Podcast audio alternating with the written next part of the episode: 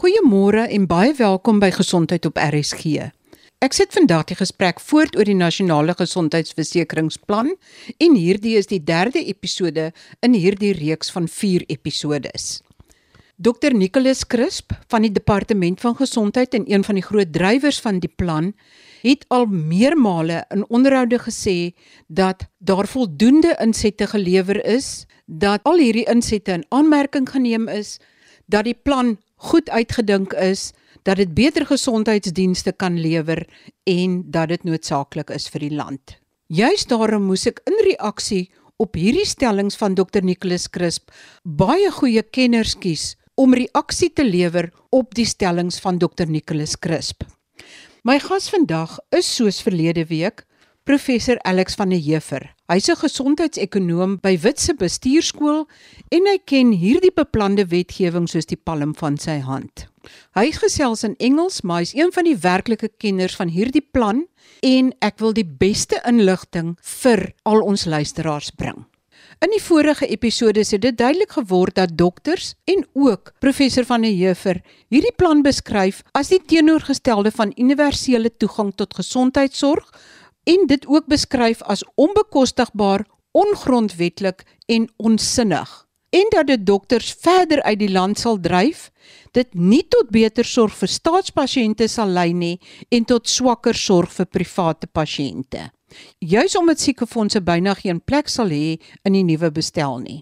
Verlede week het professor van die Heever dit onomwonde gestel dat die skrywers van die wet geen ag geslaan het op die baie voorleggings wat die probleemareas uitgewys het en oplossings aangebied het om hierdie model te verbeter nie. Dat die hele proses doelbewus afgejaag is om 'n politieke agenda te dien en dat die regering gretig is om die nuwe bestel in werking te stel bloot omdat die nasionale gesondheidsversekeringsfonds 'n nuwe aasplek vir die aasvoë sal wees. Die nasionale gesondheidsversekeringsmodel volg presies dieselfde model as die van Eskom Translet en ander staatsinstellings wat besig is om totaal in duie te stort. Professor, jy sê daar was baie voorleggings, maar dat daar geen gehoor gegee is aan hierdie voorleggings nie, want daar is niks aan die wet verander nie. 'n mens kan ook nie help om bekommerd te wees oor korrupsie nie. That's right. So the, the way in which it's been responded to that I've noticed from various of the sort of official respondents, including uh, Dr. Nicholas Crisp, is to say that they're very careful about corruption. They don't need to close the gaps that I've just mentioned because somehow they will introduce protections. And that will be a major concern. And these promises were originally made by the former Minister of Health, Zweli Mkhize, who, of course, was involved in the Digital Vibes tender and inappropriate tender for which he's not been properly held to account. And the accounting officer of the National Department of Health, who was re employed, I mean, was basically kept on. It was the accounting officer who rigged the tender. And the SIU report indicates how he rigged the tender, and he was running that process, and yet he's still employed in the National Department of Health. That's how things work. And that doesn't show an, any kind of intent to uh, close these particular gaps that allow for systemic cor- corruption and patronage. What it shows is that people have wanted in particular to keep them in play. And therefore, it remains a discretion as to whether or not we will have corruption or not. That somebody says, Well, I want to retain in this particular model of delivery, I want to be able to be corrupt or not at my discretion. Uh, we promise we won't, but we want the discretion to be able to be corrupt. Professor van die Heever, is daar al enige duidelikheid hoe die nasionale gesondheidsversekeringsfonds befonds gaan word? Waar gaan die geld vandaan kom? Want volgens die departement van gesondheid sal dit nagenoeg 460 miljard rand kos, alhoewel ander ekonome reken dat dit nader aan 1000 miljard kan wees. Is daar al duidelikheid oor die befondsingsmodel? No, there's no clarity, and uh, there's no indication that they will get a, any, any, an additional cent from additional taxes. So South Africa is not in a position to fund this arrangement. So essentially, for the foreseeable future and with our current growth rate, you can pretty much expect that there will be cuts in budgets rather than increases.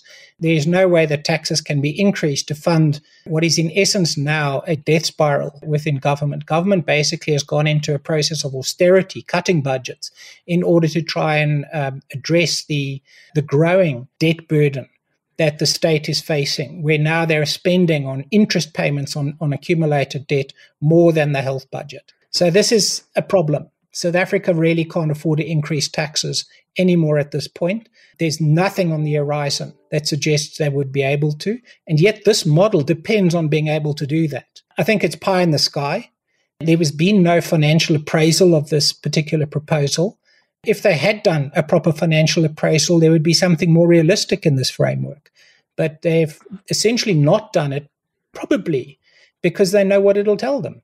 And when they do that report, they would have to tell the public what the report says, and they don't want to do that. Volgens berekenings moet BTW meer as 20% wees of persoonlike belasting moet met 'n derde vermeerder en maatskappyebelasting moet ook dramaties verhoog word om die nasionale gesondheidsversekeringsplan te kan bekostig. Kan belastings enigsins nog verder verhoog word? Look, this proposal has been made by people who have absolutely no idea of public finance. I mean, I know who they are. They have no qualifications or background in this area at all. So they have a very linear understanding of, uh, of how they would finance something along these lines, which is why you do a financial appraisal, because then you can assess the dynamics of any tax increase. Note that you can have a linear increase in tax rates. It won't give you a proportional increase in actual tax revenue what tends to happen is that the more strain you put on a particular tax base, in fact, you end up with collecting less money than you were before with a lower tax rate. We've pretty much stretched our key tax bases to the limit. So, in the case of VAT, the higher you put the VAT rate, the greater the incentive you have for people to evade and avoid paying VAT because it now becomes profitable not to pay it. And so people find all sorts of ways of not paying it. And in that way, VAT hits a particular revenue ceiling at a particular rate. We're very close to that rate at this point. I can't even see a one percentage point increase in VAT happening in our lifetimes. In the case of personal income tax, we are also, that's a tax base that is also stretched to the limit. Increase that too far, and people find all sorts of ways of hiding their income and not disclosing it and avoiding making payments to SARS. So there's a limit there. And there's also only so far you can stretch corporate tax. And those are the three big tax bases. There's nothing else to play with. Medical scheme money doesn't switch from uh, people making a voluntary contribution for which they get something in return to paying a tax for which they get nothing in return. So there's no way that you can substitute or see that amount of money as potentially substitutable into one of those three tax bases. This is where uh, from a public finance perspective, the Department of Health comes across as ignorant because no person who understands public finance would ever make such a proposal, such a preposterous proposal. There is no way that our tax rates are going to be increased in the next five years or 10 years. What could happen is that government's fiscal strain could be reduced if we got economic growth back and we're only going to get economic growth back if our public entities start being run properly, which at this point in time, until there's a change in government, is very unlikely. Our logistics services and our and the energy production are currently both being seen as patronage opportunities rather than as sources of economic growth. And while that happens, we will see a decline in those particular functions in South Africa, fundamentally inhibiting South Africa's economic growth. And without economic growth, you do not generate more fiscal space. So at this point in time, we've got declining fiscal space because of corruption and patronage. And the NHI depends on us not having corruption and patronage but the model itself proposes to continue with it. But Alex, don't they almost bargain on the money that maar professor van der Heever maak die skrywers van die nasionale gesondheidsversekeringswet nie absoluut daarop staat om die geld wat tans deur private pasiënte as premies aan hulle siekefondse betaal word om eintlik hulle eie gesondheidsorg te finansier dat hierdie geld direk in die nasionale gesondheidsversekeringsfonds inbetaal word nie. dus dat private pasiënte die geld wat hulle vrywilliglik betaal vir hulle eie gesondheidsorg, weliswaar via 'n mediese fonds, nou na die nasionale gesondheidsversekeringsfonds gekanaliseer gaan word nie. Dink jy nie die skrywers van die wet neem aan dat dit sal gebeur nie? Yes, they assume because they know nothing about public finance. It doesn't happen. Uh, this is a different uh, revenue base. So people are actually willing to make that contribution because they get something for it.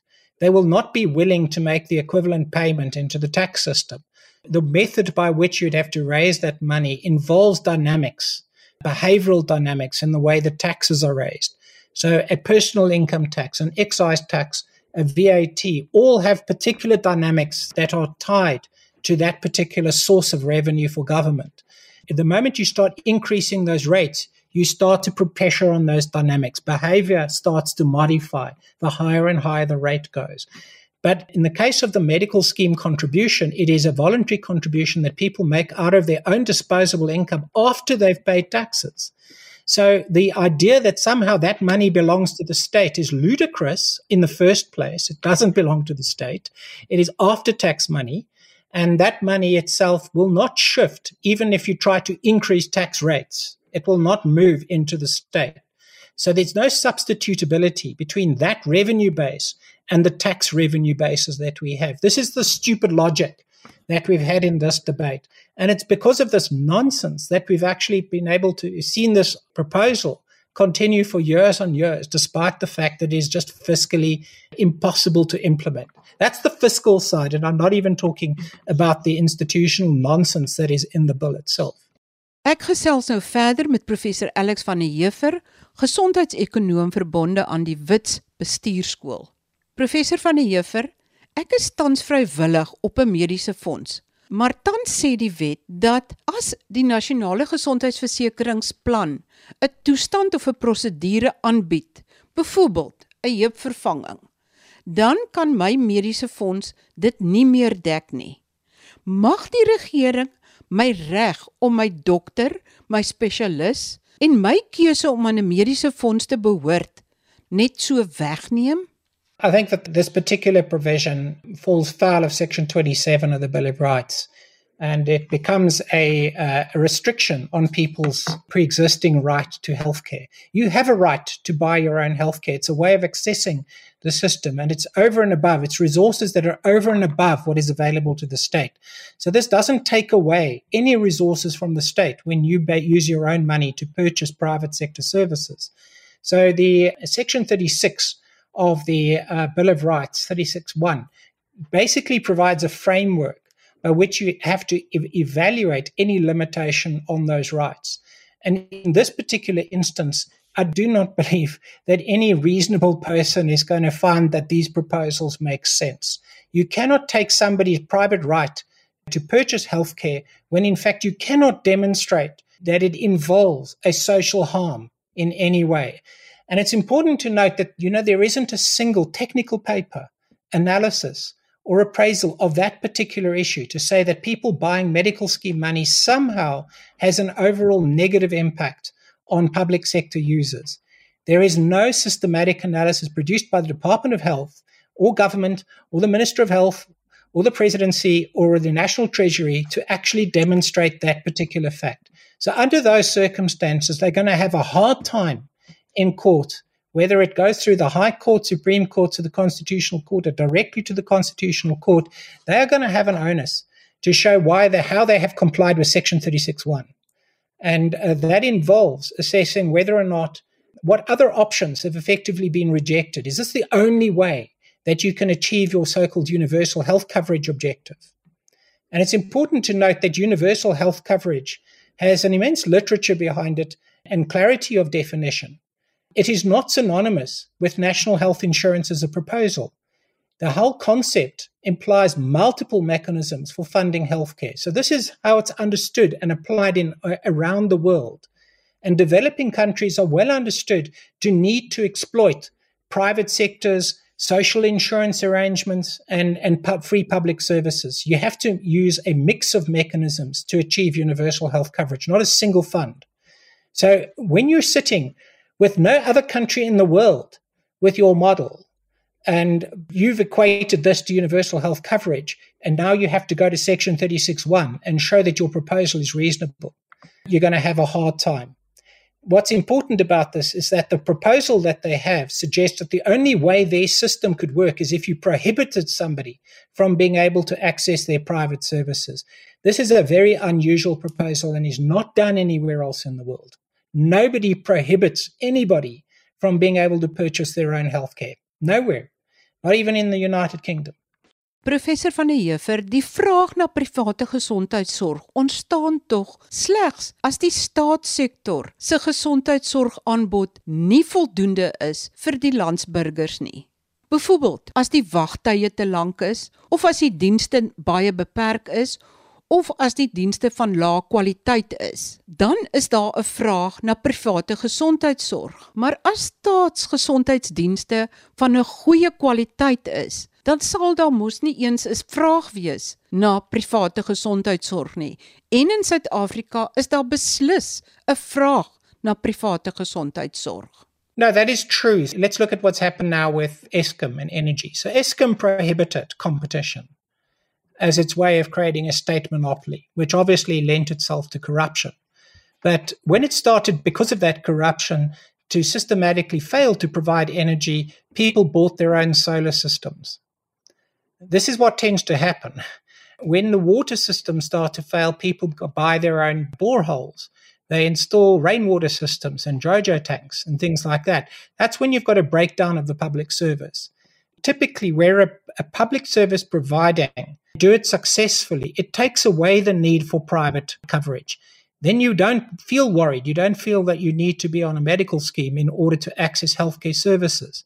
So it is a completely natural response to a weakening public sector because of corruption that people feel fearful. We don't even have mandatory medical scheme cover in South Africa, and yet the membership of medical schemes remains solid through time because people are too afraid to depend on the public services. So, because of that, you cannot, when you can't actually promise to provide good quality services, you cannot remove somebody else's ability to purchase those services privately.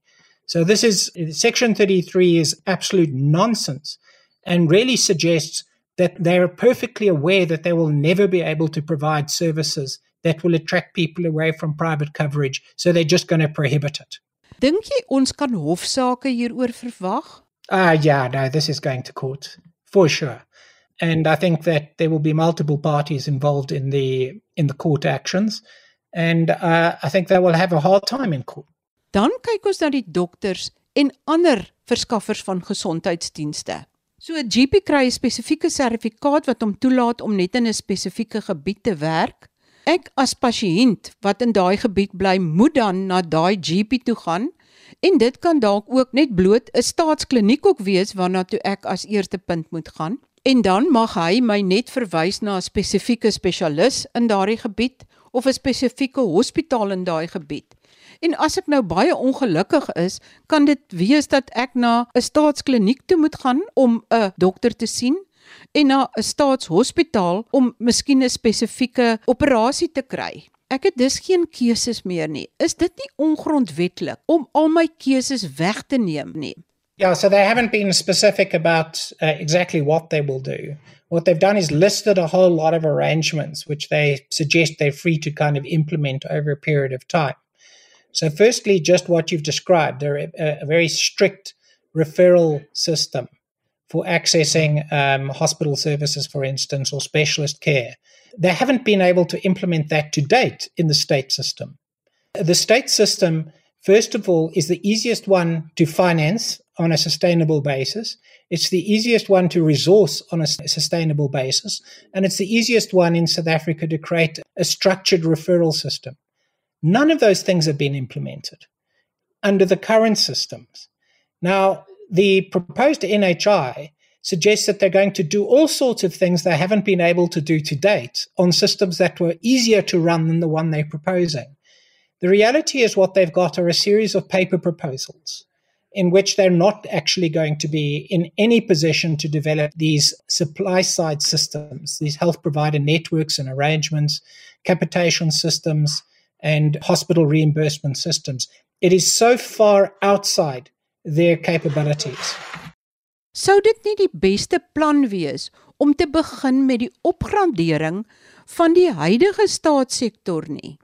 Well, the problem with upgrading the public sector is turkeys don't vote for Christmas. And part of making sure that the public sector is restored to good health means attacking those patronage networks and systems. But it's quite clear they're not prepared to do that because too many interests would be affected. And I'll just give the example of uh, Babita Deokaran and what she identified as Chief Director of Supply Chain Management in the Gauteng Department of Health. Around about 1.2 billion rands worth of problematic expenditures and procurement through one hospital in Gauteng. She gets assassinated. The people in charge of Tembisa Hospital have been now for over a year on suspension in analyzing what Babita Deokaran had identified as problematic transactions showed massive fraud against the Gauteng Department of Health. They have taken no action against any of those parties. There is no recovery of funds. There is no proceeding against the individuals concerned. There's no removing of anybody from their um, supply databases. Many of these suppliers continue, according to News 24, continue to supply services and products to the Gauteng Department of Health. Now, when you look at that and you look at what clearly is protection of people who are involved in massive corruption against the Gauteng Department of Health, you have to say that there is clearly no interest in turning the Gauteng Department of Health around. No interest whatsoever, because the patronage is the killer.